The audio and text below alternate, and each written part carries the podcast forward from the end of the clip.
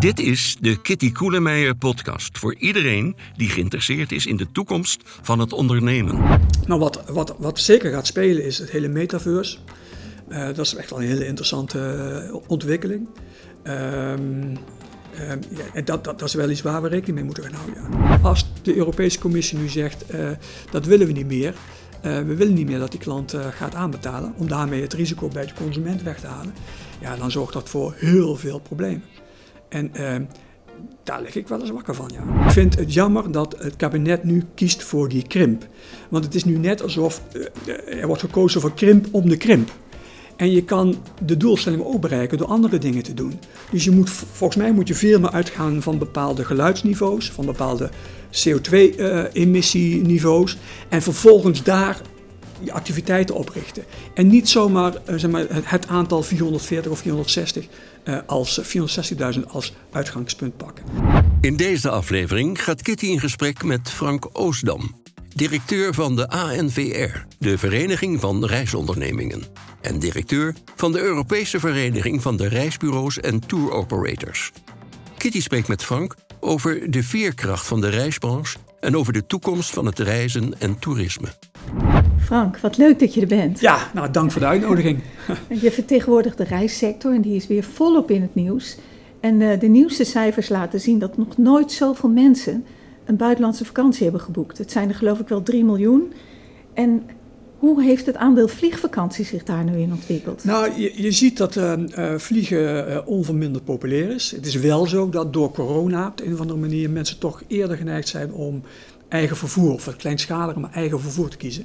Maar nog uh, vliegen hartstikke belangrijk. En uh, ik denk dat een, een, procent of 50 van al die mensen met het vliegtuig gaan. Ja, dat verbaast mij, hè? want je, je hoort natuurlijk over vliegschaamte, duurzaamheid, iedereen heeft het daarover. En het doet me ook een beetje denken aan het eten van vlees. Hè? Ja. 40, 50 procent van de mensen zijn flexitariër of zeggen we minderen en eten het toch. En dit, ja. dit is ook zoiets. Ja, zeker als je veel op social media zit, dan denk je dat de hele wereld uh, anti-vliegen is. Maar ja. zo is het natuurlijk niet. Kijk maar op Schiphol. Uh, dit is voor afgelopen zomer was het ook wel ontzettend druk van mensen die, die een vliegvakantie uh, willen, willen pakken. Vliegen blijft populair. Moet wel op een andere manier, maar daar gaan we het misschien over hebben. Ik heb, ik heb een paar dingen waar ik graag een korte reactie van oh, jou leuk, zou willen. Kort, ja, de eerste. Vliegen is het nieuwe roken. Ja, daar ben ik het dus totaal niet mee eens. Zo wordt het wel nu neergezet, hè, geframed. Uh, maar het betekent wel, we moeten wel op een andere manier uh, wat bewuster gaan reizen. Dat wel. Komt zo. In Nederland is geen plaats voor een groeiend Schiphol. Um, um, um, nou, da daar ben ik het ook niet mee eens. Het moet wel gecontroleerd en het moet wel uh, op een goede manier uh, en gekanaliseerd. Maar de krimp, zoals, die nu, uh, zoals er nu sprake van is, daar ben ik moordicus tegen. Gaan we het ook over hebben. Leuk. De metaverse gaat toerisme ingrijpend veranderen. ja, zonder meer waar. Um, alleen is het niet zo dat we dan denken dat het dan zo zou zijn dat mensen dan thuis blijven. Maar ik denk zeker dat het een rol gaat spelen als het gaat om stimuleren van vakanties. De toekomst van het toerisme ziet er zonnig uit. Uh, ja, die ziet er zonnig uit. Ja, zeker. Oké. Okay. Ik lig wakker van. Ik lig wakker van. Um, een aantal technische dingen die we, die, waar we in de sector mee te maken krijgen. Het gaat om vooruitbetalingen bijvoorbeeld. Dat is iets wat uh, Europees speelt.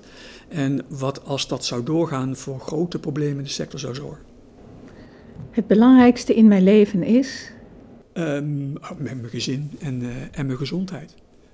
Ja, mooi. Uh, we, gaan, we, gaan, uh, we gaan even bij het begin beginnen. Ja. Deze, deze okay. zaken gaan we gaan allemaal bespreken. Mooi.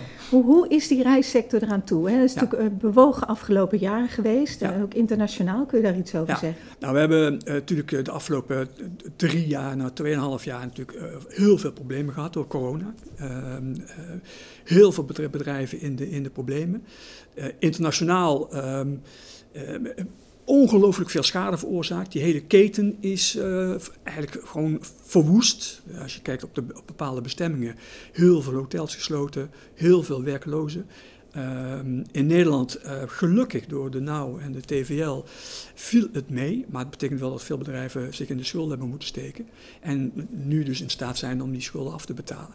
Dus voor ons is dit, uh, zeker ook de afgelopen januari, all-time high. Het gaat om het aantal boekingen. Het is voor ons heel belangrijk om er als sector ook bovenop te komen. En die sector, komt die weer terug zoals hij was? Gaan die bedrijven zich weer herstellen of gaan daar toch echt veranderingen in plaatsvinden? Ja, op de lange duur denk ik wel dat er wat veranderingen gaan optreden. Uh, maar uh, we zijn nu uh, druk bezig om weer wat spek op de botten te krijgen. Dus al die bedrijven komen weer terug? Ja, en, en, er zijn in Nederland geen, nou, er is misschien één of twee faillissementen geweest. D-reizen was een, een tijdje geleden zo'n faillissement. Maar verder valt het, door die goede regelingen die we vanuit de overheid hebben gehad, valt het mee. We hebben wel heel veel, een derde van, onze, van de mensen moeten, moeten laten gaan helaas. Um, dus we zijn nu alweer op zoek naar. Uh, naar en wat, wat zijn die mensen gaan doen? Nou, die zijn uh, bijvoorbeeld bij de GGD's gaan werken. Maar mensen die in de reissector werken, die zijn multi-inzetbaar. Dat zijn mensen die zijn servicegericht. Uh, die, zijn, ehm, die, kunnen, die, kunnen, die zijn bezig met een groot aantal verschillende activiteiten. En die zijn veel gevraagd. Dus ze kunnen ook bij banken gaan werken, bij uitzendbureaus. maar ook in de, in de retail. Dus die zijn veel gevraagd. Ja, ook door de opleiding die Ja, door de opleiding. En, en, dus is het uh, best lastig om uh, nou, de goede mensen weer terug te krijgen. Oké. Okay. vliegen, hè? laten we het over vliegen gaan ja. hebben. Het, de framing, zoals je dat ja. noemde. Het is natuurlijk een, een, een ingewikkeld dossier. Ja. Want er speelt van alles. Er speelt geluidsoverlast, er speelt uitstoot, de stikstofproblematiek, de, de, maar ook gewoon de energiekosten van het reizen, het vliegen zelf. Ja. Dat, daar zijn zoveel aspecten aan dat het Klopt. voor de doorsnee persoon natuurlijk niet meer goed te doorgronden is wat, nee. daar, wat er nou echt nee. aan de hand is. Nee. En dan weet ik dat jij de reisbranche vertegenwoordigt, maar misschien kun jij daar wat helderheid ja. uh, in geven. Nou, het is zelfs voor het kabinet lastig om ja. de kluwen te ontwarren, want dat zijn nu zoveel problemen. Ja. Uh, nou, de kern van het verhaal is dat we met elkaar wat, wat bewuster moeten gaan reizen. Dus, uh, en je merkt wel dat voor de moderne consument, de, de Nederlander nu, dat, dat uh, vliegen of de manier waarop die gaat reizen, toch steeds meer een soort afweging gaat worden. Vroeger was het zo, we nemen het vliegtuig. En dat is niet meer het geval, dat is alleen maar goed. Twee, ik denk dat als het gaat om um, de kosten van, van, van, van, van het vliegticket, dat uh, vliegen gewoon duurder gaat. Dat is nu al het geval. Vliegen gaat duurder worden. En dat, en dat kan niet ook. anders. Omdat ik denk dat alle milieueffecten van reizen, dus ook van vliegen, gewoon in de prijs van het product moeten. Dat gebeurt nu al. Hè. Er is nu al een vliegtax. Als straks de plannen van Frans Timmermans met het Fit for 55 uh, uh, doorgaan, dan zal dat ook zijn uitwerking krijgen in, uh, in vliegprijzen. Dus Wat die houdt dat in, dat Fit for 55? Fit for 55, dat betekent dat, je, dat er um, uh, een groot aantal sectoren hun best moeten doen en inspanningen, inspanningen moeten verrichten om ervoor te zorgen dat de sectoren duurzamer ingericht moeten worden. Nou, voor de luchtvaartwereld betekent dat dat uh, er allerlei uh, innovatieprogramma's zijn. En vliegtuigen kunnen um, duurzamer gaan vliegen. En met uh, Sustainable Airline Fuels. Uh, je krijgt zuinigere en stillere vliegtuigen. Dus daar wordt heel veel in geïnnoveerd. Maar ook belastingen. Uh, gewoon dat, je, dat het product meer belast wordt. Zodat uiteindelijk, um, ja, uiteindelijk er toch wordt gekozen om nou, wat duurzamer te gaan reizen.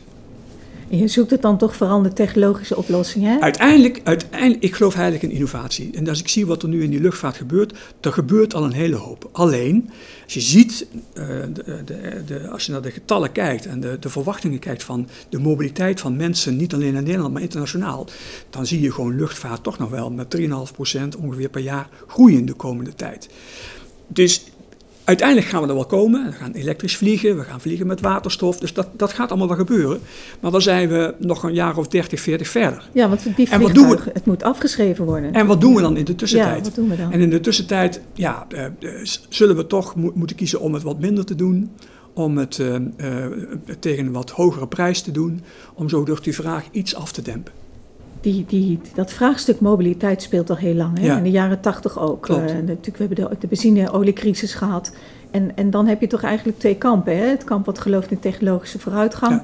En mensen die zeggen van nou, maar je moet je gedrag maar ja. Ja, veranderen. Je, je moet wat minder mobiel willen zijn. Je moet wat minder willen reizen. Ja. En hoe, hoe sta je, even los van, jou, van jouw achterban, hè? hoe sta je daarin? Nou ja, de, de, ook los van mijn achterban. Want ik, ik bedoel, uh, ja, het is ook een beetje mijn functie om af en toe wat verder te denken dan de belangen van die achterban. Uh, en uiteindelijk is het ook in het belang van de achterban dat we uh, uiteindelijk duurzamer gaan reizen. Uh, en dat betekent gewoon dat we ons moeten realiseren dat wij bijdragen aan uh, uh, nou, negatieve output, output van bijvoorbeeld CO2. Hè. Dus, reizen is per definitie niet duurzaam.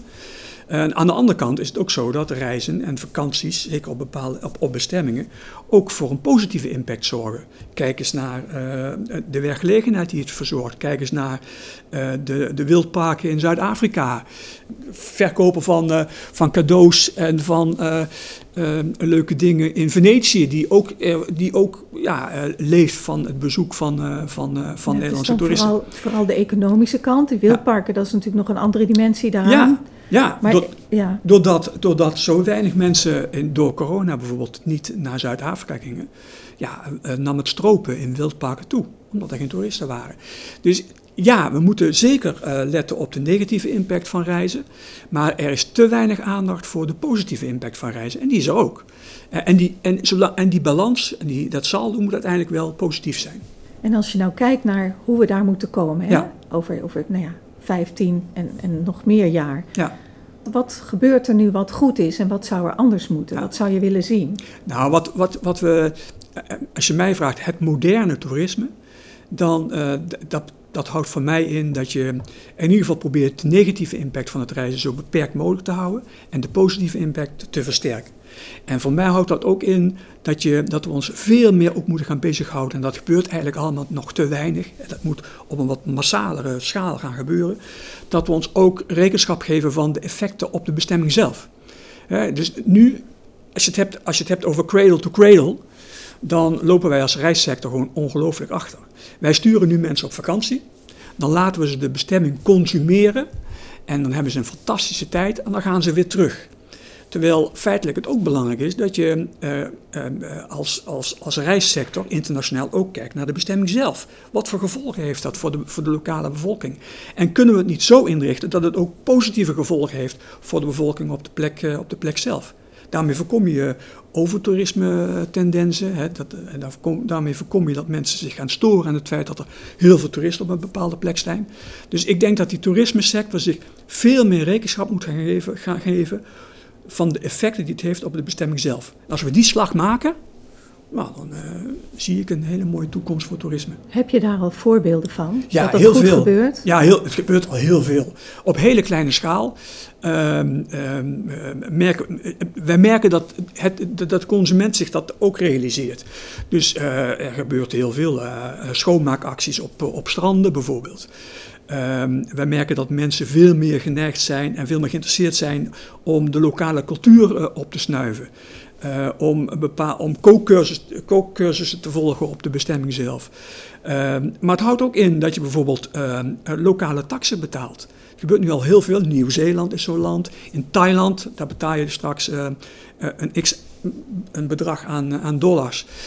puur om ervoor te zorgen dat die bestemming als Thailand verduurzaamt. Dus dan betaal je gewoon 25 dollar per persoon of iets meer. En dat is goed, dat is, dat is prima, als het dan maar terechtkomt bij de verduurzaming van die bestemming.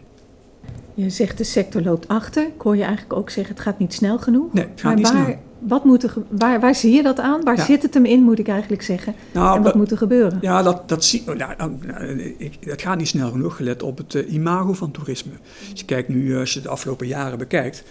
Ik heb altijd geroepen, we moeten oppassen dat we in de toeristensector niet terechtkomen in de, in de sector van de tabaksindustrie. En, en eigenlijk als het gaat nu om vliegen en als het gaat om eh, eh, overtoerisme. We zitten toch wel in de hoek, als het gaat om imago, in de hoek waar de klappen vallen. En dat is eigenlijk niet terecht. Dus daarom vind ik dat het wat sneller moet. Zeker internationaal moet het sneller. Er zijn al heel veel initiatieven. De grotere bedrijven die zijn daar echt al mee bezig. Wat de makker bij ons is dat we. eh, er zijn een beperkt aantal hele grote bedrijven. En heel veel hele kleine bedrijven. Die eh, ja, gewoon ook niet de fina- financiën hebben. En de mankracht hebben om daar eh, ja, aan, mee te werken.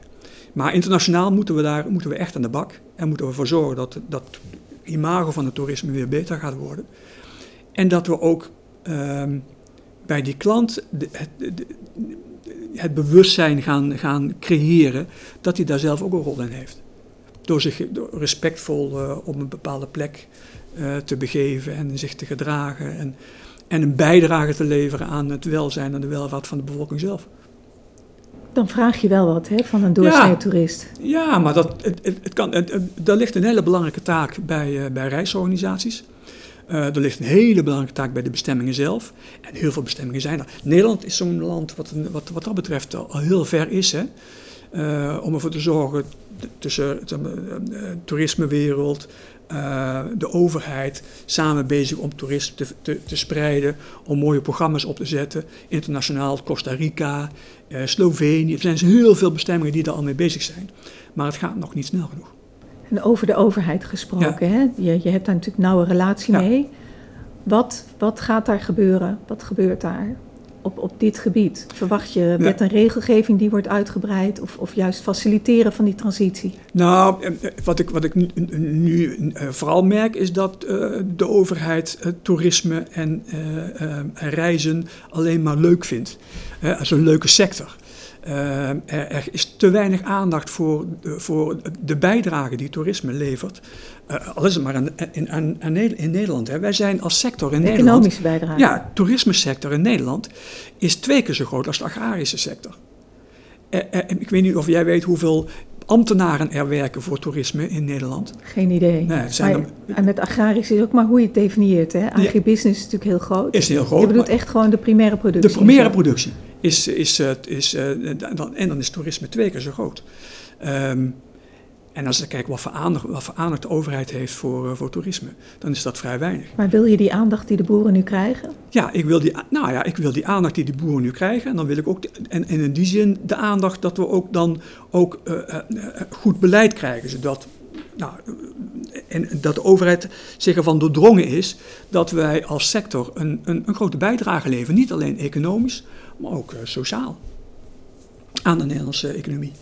En wij, dat, dat is nu te weinig het geval? Nou, dat is zeker te weinig. Wij leveren als, als totale sector uh, 813.000 banen in Nederland. Wij zorgen voor, uh, ik geloof iets van 4% van, van het BNP. We zijn, een, we zijn een belangrijke sector. Absoluut. En we willen dan ook als zodanig worden beschouwd. En dat gebeurt nog echt te weinig. Wat kun je daaraan doen? Nou, één, kritisch naar onszelf kijkend. Ja. Uh, wellicht is onze lobby niet goed genoeg. Uh, en moeten we daar uh, nog, we doen dat wel. We werken nauw samen met een groot aantal andere sectoren die zich ook op toerisme begeven. Um, maar um, um, ja, dat moeten we nog meer doen. Kan niet anders. En nu Schiphol. Ja. Want Schiphol heeft ja. natuurlijk alles met jullie te maken, maar ja. ook weer niet alles. Ja. Dat Schiphol is natuurlijk voor een deel toerisme, maar niet ja. helemaal. Nou, nou, ja, dat is ook zo'n misverstand. Hè? Schiphol, uh, meer dan twee derde, uh, voor corona was het iets van 66 procent en nu is het zelfs 74 procent. 74 procent van, het van, de, van de mensen die op Schiphol zijn om te vliegen, dat zijn, die hebben een leisure motief. Die hebben een vakantiemotief. De, de rest is business. Ja, en dan heb je het nog niet over vrachtvervoer. En dan heb je nog niet eens over vrachtvervoer. De aparte vrachtvervoer. Dus nee. uh, uh, voor ons hartstikke belangrijk natuurlijk als Schiphol als partner. Uh, nou hebben we natuurlijk uh, in de afgelopen zomer alles mee te maken gehad met de hoeveelheid mensen die daar in de rij stonden. Zeer tegen het zere been van, uh, van ons. Um, ja, en, en Schiphol, zeker in de, in, in de totale discussie over, over capaciteit op Schiphol, over duurzaamheid en over de toekomst van luchtvaart in Nederland, ja, neemt Schiphol natuurlijk een hele belangrijke positie in. En daar hebben wij ook een mening over. Dan zijn wij natuurlijk een heel dichtbevolkt land ja. in Nederland. En Schiphol zit natuurlijk ja. midden in de stedelijke ja. gebieden. Nee, klopt. Dat, dat natuurlijk. Dat klopt, dat, dat, maakt het heel complex. Hè. Ik, ik doe ook niks af aan de belangen van omwonenden uh, en de mensen die wat verder in de regio last hebben van Schiphol. Dat is zo, daar moeten we rekening mee houden. Aan de andere kant, we moeten ons ook wel realiseren dat Schiphol een belang, ongelooflijk belangrijke waarde heeft voor de welvaart in Nederland. En... Um, Um, ja, dat raakt wel eens uh, wat onderbelicht, moet ik zeggen. En denken jullie ook mee in scenario's? Hè? Want ja. ik heb natuurlijk ook wel eens gelezen over Schiphol verplaatsen in ja. zee. Ja. Hè? Of naar, naar een ander deel van het land. Ik bedoel, hoe zijn jullie daarbij betrokken? En Zie jij daar nog goede oplossingen Ja. voor? Nou, eh, eh, eh, volgens mij, ja, daar zijn we wel bij betrokken. We doen daar mee in die discussie. We zijn maar een hele kleine partij, want we zijn als reissector natuurlijk niet een hele grote sector, maar we doen zeker mee. Wie, wie zijn de grote sectoren dan daar? Luchtvaartsector, de luchtvaart is natuurlijk een hele belangrijke Vrachtvervoer? factor. Vrachtvervoer? En vrachtvervoer is ook een hele belangrijke. Uh, omwonenden spelen natuurlijk een hele belangrijke rol. Het, het, het saillante detail is wel dat we vaak toch wel de indruk hebben dat, en daar werpen wij ons dan maar voor op, dat de positie van de reiziger zelf, van de Nederlander die uh, het zij op, uh, op uh, zakenreizen wil, het zij op vakantie wil, vaak niet wordt belicht. En daarvoor proberen wij aandacht te vragen. Maar even nu over de ja. inhoudelijk, hè, die ja. discussie. Ja. Wat we zien allemaal welke richting het opgaat. Ja. Hè, krimp van, ja. van 500.000 vliegbewegingen naar, wat is het, 440.000?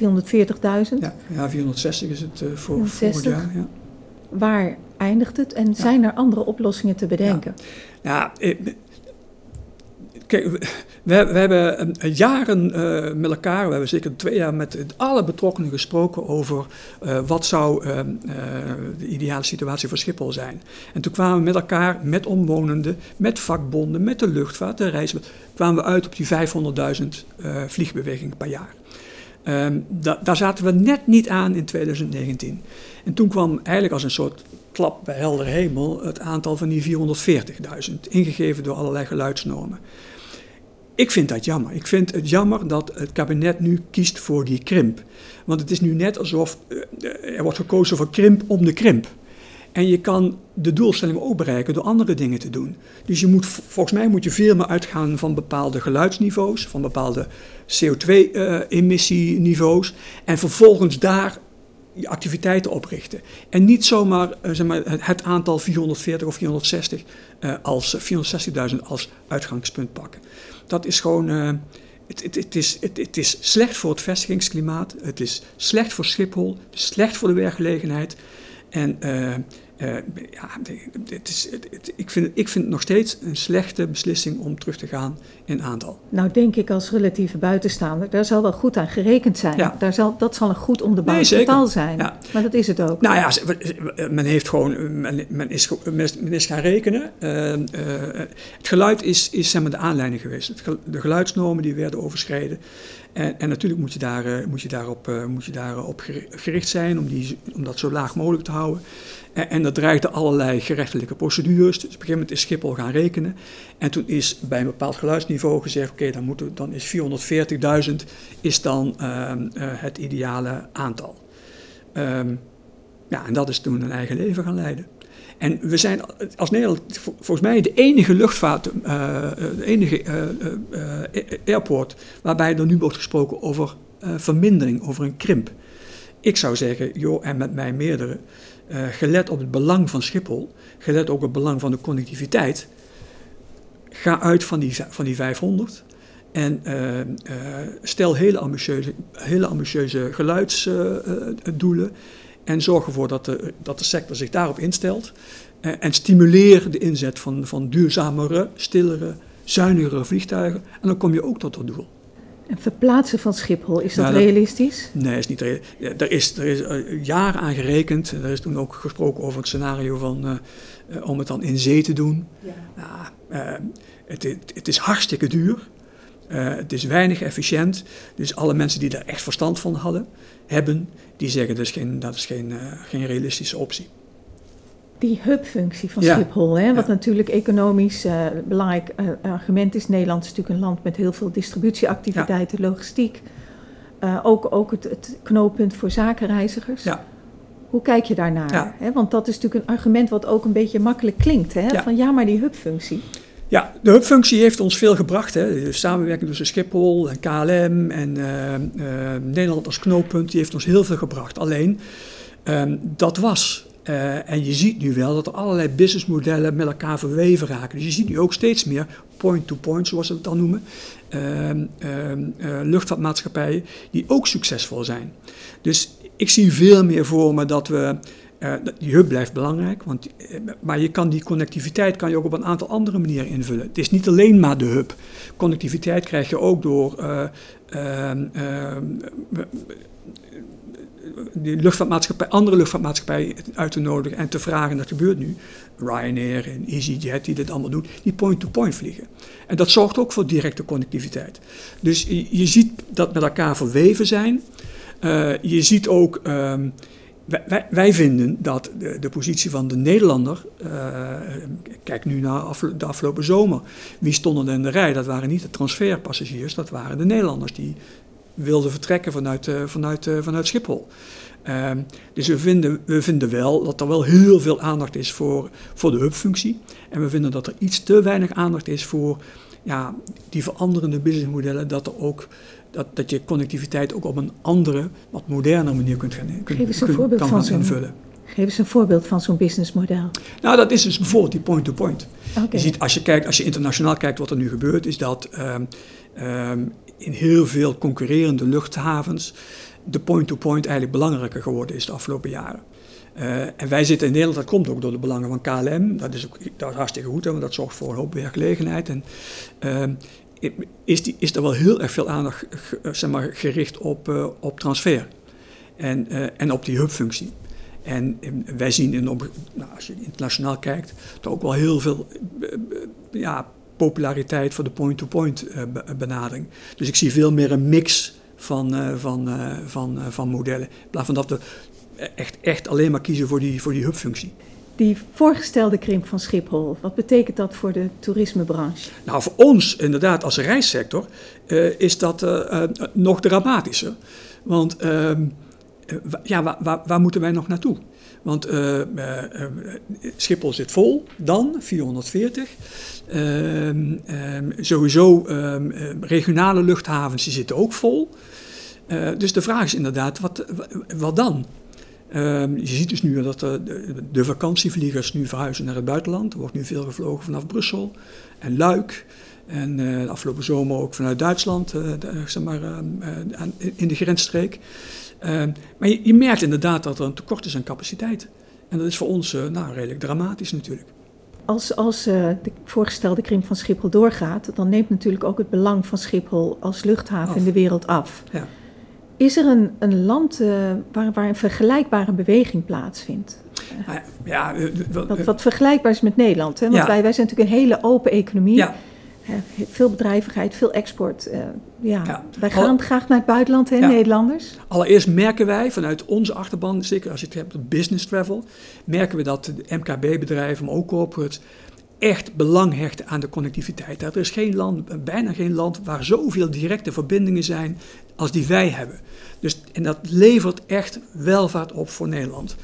Um, dus als je dat zou gaan terugschroeven, zou gaan, als dat zou gaan krimpen, dan, uh, nou, dan tast dat toch de, de concurrentiepositie van Nederland aan. Dan wordt er wel inderdaad door tegenstanders gezegd in die discussie, uh, voorstanders van de krimp, van ja, kijk naar Zwitserland. Uh, Zurich en Zwitserland is natuurlijk ook een hele belangrijke e-, economie. Ja, die hebben helemaal niet zo'n belangrijke luchthaven. Dus het kan best. En dan zeg ik, ja, maar ja, uh, in die zin is Zwitserland toch iets anders. Wij zijn een logistiek, logistiek knooppunt. Wij, zijn, wij blinken uit in zakelijke dienstverlening in Nederland. En voor ons zou het echt dramatisch zijn als die krimp realiteit wordt. Dat, dat, dat is echt een groot probleem als het gaat om de concurrentiepositie van Nederland. Dat moeten we gewoon niet doen. Zwitserland is natuurlijk ook een iets minder open economie dan, dan wij hebben. Ook dat. En uh, meer productie georiënteerd. Ook natuurlijk ook veel handel, ja. maar ook veel financiële ja. dienstverlening zit daar. Ja. Dus jij, jij zegt ook eigenlijk die vergelijkbaarheid gaat niet op. Die, die vergelijkbaar, vergelijkbaarheid gaat niet op. En het is ook zo, um, kijk, als je eenmaal de beslissing neemt om, um, om afscheid te nemen van die hubfunctie of, of om de, de krimp in te zetten, dan is het wel weer lastig om daar weer op een bepaald niveau terecht te komen. Hè? En nogmaals, ik doe niks af aan uh, de gerechtvaardigde uh, uh, eis die de luchtvaart wordt gesteld om duurzamer te gaan vliegen. Er moeten investeringen worden gedaan, maar dat doet die sector ook. Alleen dat kan niet van vandaag op morgen. Dat gaat niet. Die krimp die zal vooral ten koste gaan van het toerisme, hè? want de zakenreiziger zal blijven, kunnen blijven vliegen. Ja, ja, nou ja, dat, het, het, dat, ik denk dat het ten koste gaat van, uh, van alle reizigers, alle in, reizigers. in, heb Nederland. Je, heb je daar ja. scenario's voor? Heb je nee, berekeningen Nee, dat niet. Nee, kijk, 440, uh, uh, de discussie moet nog komen. Hè. Ik bedoel, 15 procent, hè? Ja, ongeveer, um, ja, maar als ik die iets minder. 400... De vraag is überhaupt of dat juridisch allemaal kan. Hè? Want ik geloof dat er uh, toch wel wat uh, uh, bezwaren worden gemaakt nu vanuit de luchtvaart, vanuit Nederland. Van, kan dat zomaar? Want er moeten allerlei procedures doen. Dat de balance approach procedure moet, moet worden doorlopen. Dus er loopt nog een procedure binnen Europa. Dus de vraag is of, u, of het überhaupt juridisch nog kan. Maar stel dat dat, dat, dat bewaarheid wordt. Ja, dan zorgt dat voor, voor grote problemen. Niet alleen voor, voor, voor, voor, voor de reissector zelf, maar ook binnen de luchtvaart van Nederland. Dus dat zegt de KLM ook? Ja, natuurlijk. Mm. Ja, natuurlijk. Maar nogmaals, er wordt niks. Er, er zal een slag moeten worden gemaakt als het gaat om duurzaam reizen.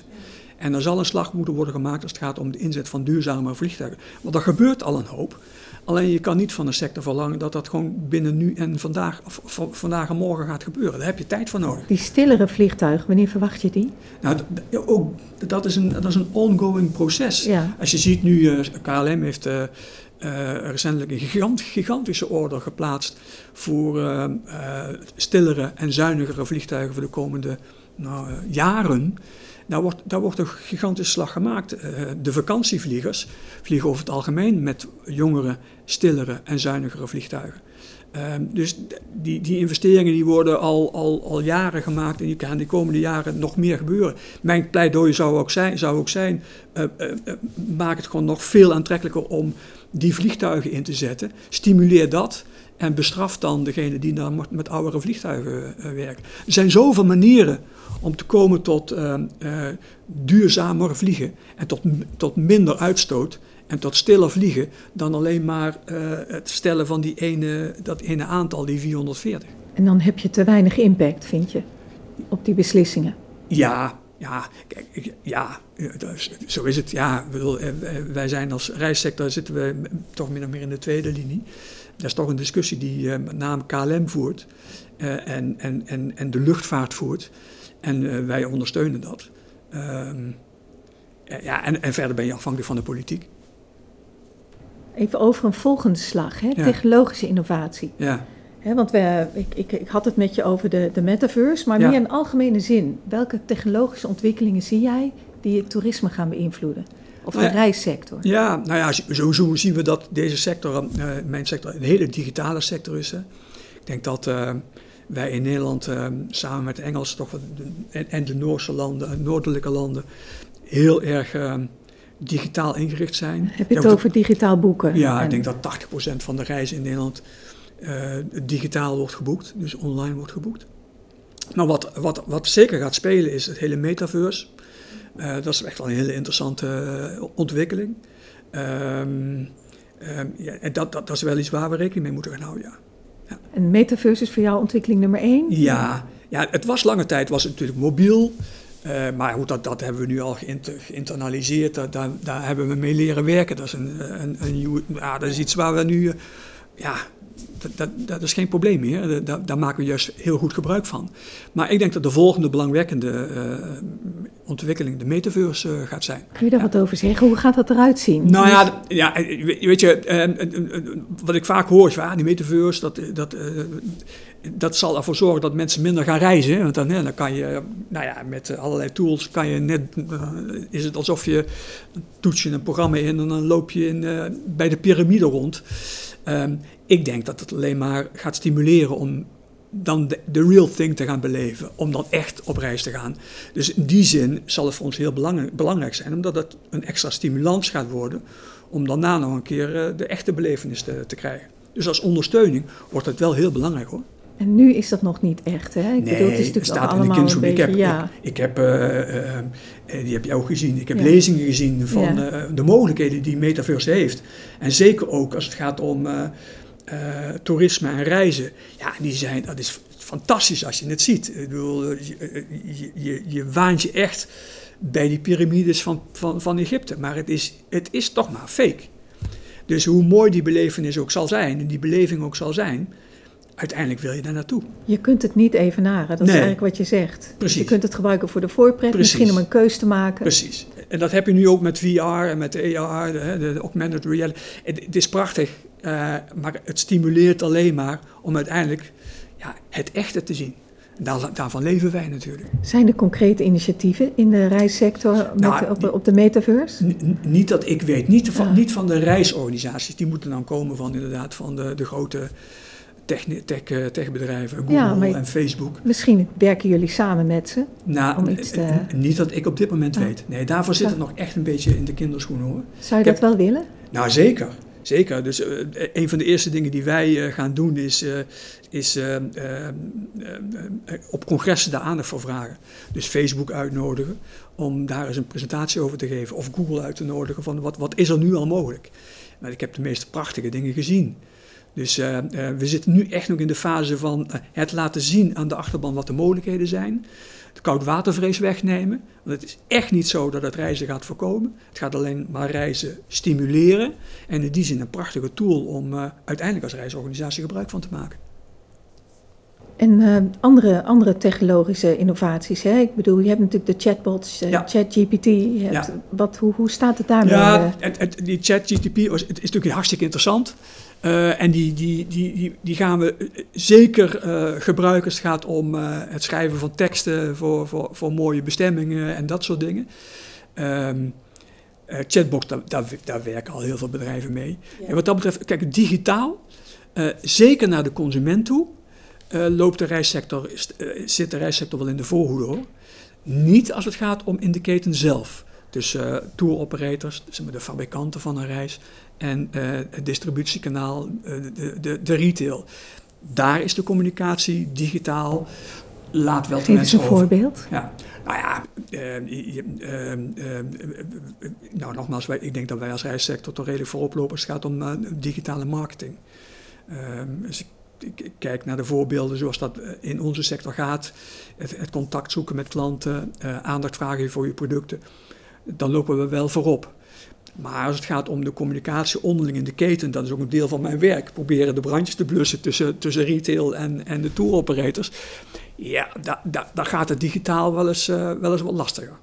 Ja, en daar, dat zijn ook dingen waar je wakker van ligt, hè? Zei nou, je. ja, ja, da, da, ja, daar lig ik wel eens. Ik- nou, dat is deel van mijn werk. Ja, Eh, dat maar daar deel maak je zorgen over. Ja, Ja. ja. ik vind zeker. Kijk, eh, dat gaat over de inrichting van, van de keten. Eh, we, zien gelukkig nu dat het reisbureaukanaal, door, met name door corona, weer eh, heel belangrijk is geworden. We, we merken gewoon dat consumenten wat, Oh ja? vaker, ja, wat vaker weer naar een reisbureau gaan. En dat is alleen maar hartstikke goed. Ehm, maar je ziet ook wel dat er, dat er in, onderling in die keten, het is, ja, er is toch altijd een strijd van, ja, hoe kan ik, hoe kan ik toegevoegde waarde laten zien? En ehm, wie is de sterkste? En hoe kan ik partijen uit de markt drukken? Hè, je wilt ook op een gegeven moment eh, het meeste rechtstreeks naar de consu- consument toe. Hoe is die toegevoegde waarde van dat reisbureau veranderd? Dat, dat, die is wel door corona veranderd. Maar hoe? Op Ja, welke manier? Het, het, het, het is veel minder dan het vroeger was, eh, het doorschuifkanaal. Het is veel meer ook in de advisering. Het is veel meer ook vanuit de behoefte van de consument om zekerheid. Eh, en eigenlijk is dat door corona wel veranderd. Dus die, die reisagent is veel meer een soort consultant geworden. Veel meer maatwerk. eh, en levert als zodanig veel meer toegevoegde waarde.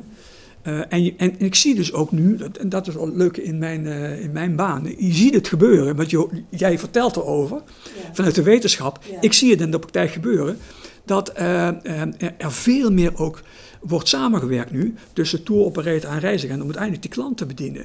En, en, en, en die touroperator gaat natuurlijk ook rechtstreeks naar de consument, maar hij ziet gewoon dat dat reisbureaukanaal, met name door corona, veel belangrijker geworden is. En eh, ja, dat, is, dat, is, dat, is, dat is mooi om te zien. Ja, En wat, iets wat je noemde, wat ook raakt aan die reisbureaus, die vooruitbetalingen. ja Als Ja, zorgpunt. daar lig ik, wat, daar wat lig ik wel daarmee? van. Wat Nou, daarmee? wij, in Nederland is het zo, trouwens Europees is het zo ingericht, dat kan niet anders, is dat ehm, als jij een reis boekt en je gaat naar een reisbureau of je gaat online, je, je boekt een reis, dan moet je eh, in de meeste gevallen een aanbetaling doen. Meestal zo tussen de nou, 15, 35 procent, een beetje afhankelijk van de touroperator, van de reis. En, maar pak, pak een beetje tussen de 15 en 35 procent betaal je aan. Bij pakketreizen? Ja, bij pakketreizen. Maar ook als je een ticket boekt voor een airline. Ja, dan betaal je gewoon betaal je volledige bedrag. bedrag. Ja. Nou, wat, wat de Europese Commissie nu, met name door de afgelopen jaren, uh, roept, is we moeten af van die aanbetalingen. En dat betekent dat uh, uh, het reisbedrijf, of dat nou een reisagent is of een touroperator, ineens ja, een soort bank moet gaan, gaan, gaan spelen. die, die, die heeft dat geld nodig om zijn leveranciers te betalen. De airline te betalen als een klant een pakketreis heeft geboekt waarvan een, een ticket, een, een luchtvaartticket een onderdeel van is. Die moet het hotel betalen. En ja, die heeft dus dat geld van die klant nodig. Als de Europese Commissie nu zegt, dat willen we niet meer, uh, we willen niet meer dat die klant uh, gaat aanbetalen, om daarmee het risico bij de consument weg te halen, ja, dan zorgt dat voor heel veel problemen. En daar lig ik wel eens wakker van, ja. Het gebeurt natuurlijk bij, bij veel hotelboekingsites al minder. Hè? Ik ja, bedoel, dan, dan wordt er misschien een, een bedrag gereserveerd, klopt. maar je, je betaalt bijna nooit meer klopt, vooruit. Klopt. En je hebt zelfs de mogelijkheid om te annuleren tot een dag van tevoren. Da maar daar waar het kan, kan het. Dan zou het nog geen probleem zijn. Maar um, als uh, uh, onderdeel van zo'n pakketreis een luchtvaartticket is, ja, luchtvaartticket betaal je van tevoren, betaal je helemaal. Dus wij, de, onze stelling is van als je dat al wil, beste Europese Commissie, dan moet het wel ook door de hele keten zo zijn. Dan moet het ook zo zijn dat een, een, een luchtvaartticket uh, niet van tevoren betaald hoeft te worden. Nou, dat gaat echt niet gebeuren. Denken de internationale reisorganisaties daar net zo over? Jazeker. Maar waar zeker. komt het vandaan? Waarom nou, dat, denkt komt, die, het uh... komt dus, dat komt echt uh, van de Europese Commissie vandaan, die de consument zo goed mogelijk wil, wil beschermen. En op zich is dat natuurlijk prima, maar het moet ook wel haalbaar zijn. En onze stelling is. Uh, we hebben het al, we hebben het prima ingericht. Hè. We hebben een garantiefonds, waardoor, uh, trouwens in Nederland een van de best werkende garantiefondsen in de hele wereld. Dus in, in die zin is die consument wel, wel zeker gesteld dat hij, als er een bedrijf failliet gaat, in de tussentijd, als je aanbetaald hebt en uh, tussen de aanbetaling en de reis en het bedrijf mocht failliet gaan, krijg je je geld terug als via een AVR-organisatie wordt geboekt. Maar uh, uh, dus, dus, dus zorg er nou voor dat. Ga in ieder geval niet uh, ervoor zorgen dat, dadelijk, dat we dadelijk geconfronteerd worden met deze situatie dat we die aanbetalingen niet meer mogen incasseren. Dat zou voor, voor, een, groot, voor een groot probleem zorgen. Niet alleen bij ons, maar ook bij, bij, bij, bij airlines. In Nederland is die positie eigenlijk al goed geborgd, ja. zeg je. Ja. In het buitenland blijkbaar niet. Nou, minder. Uh, maar, maar, dan nog, want we hebben, ons argument is dus van nou, we hebben dat op zich best goed ingericht en we hebben die garantiefondsen. De Europese Commissie is toch op het standpunt op dit moment nog van ja, we willen toch gaan kijken of we die uh, aanbetalingen kunnen terugschroeven. Ja, dat zou ik echt uh, dramatisch vinden. In de meeste gevallen, kijk, want als het niet hoeft, dan zal zo'n uh, reisorganisatie nooit een aanbetaling verlangen. Nee. Maar in de meeste gevallen moet het, omdat hij uh, zijn verplichtingen heeft richting hotels of richting de airline, moet hij, moet hij dat bedrag meteen betalen. Of een deel van dat bedrag meteen betalen. Ja, uh, je kan van een reisorganisatie niet verwachten dat hij al dat geld gaat voorschieten. Dan, dan komen we echt in de financiële problemen. Dan loopt zo'n hele sector vast. Je krijgt een andere financieringsstructuur Totaal van die andere sector financieringsstructuur. Ben je daar al over aan het ja, nadenken? Daar zijn we over nadenken, maar eigenlijk willen we daar nog niet aan. Want het, het zou echt wat dat betreft zorgen voor een totale omwenteling van die hele sector. En wat dat betreft stellen we ons ook dat standpunt. Dat betekent dat de hele sector zou moeten. Ook de luchtvaart. Nou, en dat zie ik echt niet gebeuren.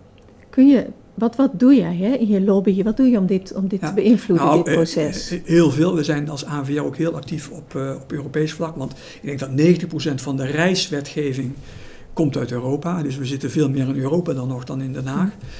Ja, daar zijn, we, da, daar zijn wij nu echt heel druk mee. Dus we hebben een bureau in, uh, in, uh, in Brussel. Die Een met die PR-bureau? Nou, nee, een, Een een lobby. lobbybureau. Lobbybureau. Onze Europese organisatie. Ja. Daar ben ik toevallig voorzitter van, Mm. sinds uh, afgelopen juni. En daar, zijn, daar ben ik dus echt heel druk mee, samen met uh, de staf van, uh, van dat bureau. Om ervoor te zorgen dat dat niet gaat gebeuren. Dat doen we dus Europees.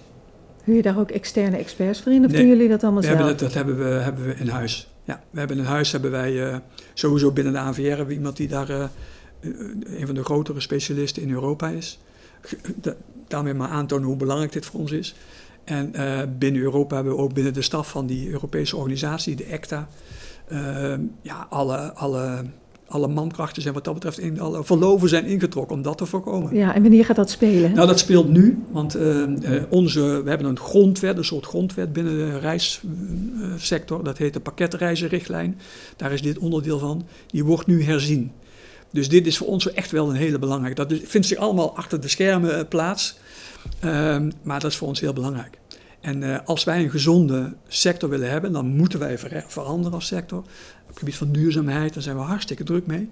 Maar dit is wel iets wat, uh, wat ons zorgen baart. En als dit doorgaat, dan, uh, ja, dan voorzie ik grote problemen. Wanneer weet je dat definitief? Nou, dat, dat gaat zo, zo rond de zomer komen de eerste geschriften vanuit de Europese Commissie ter beschikking. Die zijn nu aan het schrijven. Dus rond de zomer weten we dat. Voordat dat überhaupt dan wet gaat, dat, dat duurt dan nog tot 2025 of 2026. Maar zover gaat het er niet komen, hoop ik. Over tien jaar, waar staat de sector dan? Hoe zie je het dan voor je? Stel, je bent dan nog uh, hè, directeur van de ANVR. Wat, wat, hoe gaat het dan? Nou, dan, dan, dan zien we een sector die uh, nog digitaler is. Dan zien we ook een sector die uh, nog meer niches bedient dan, dan nu. Dan zien we ook een sector die reizen aanbiedt die duurder zijn.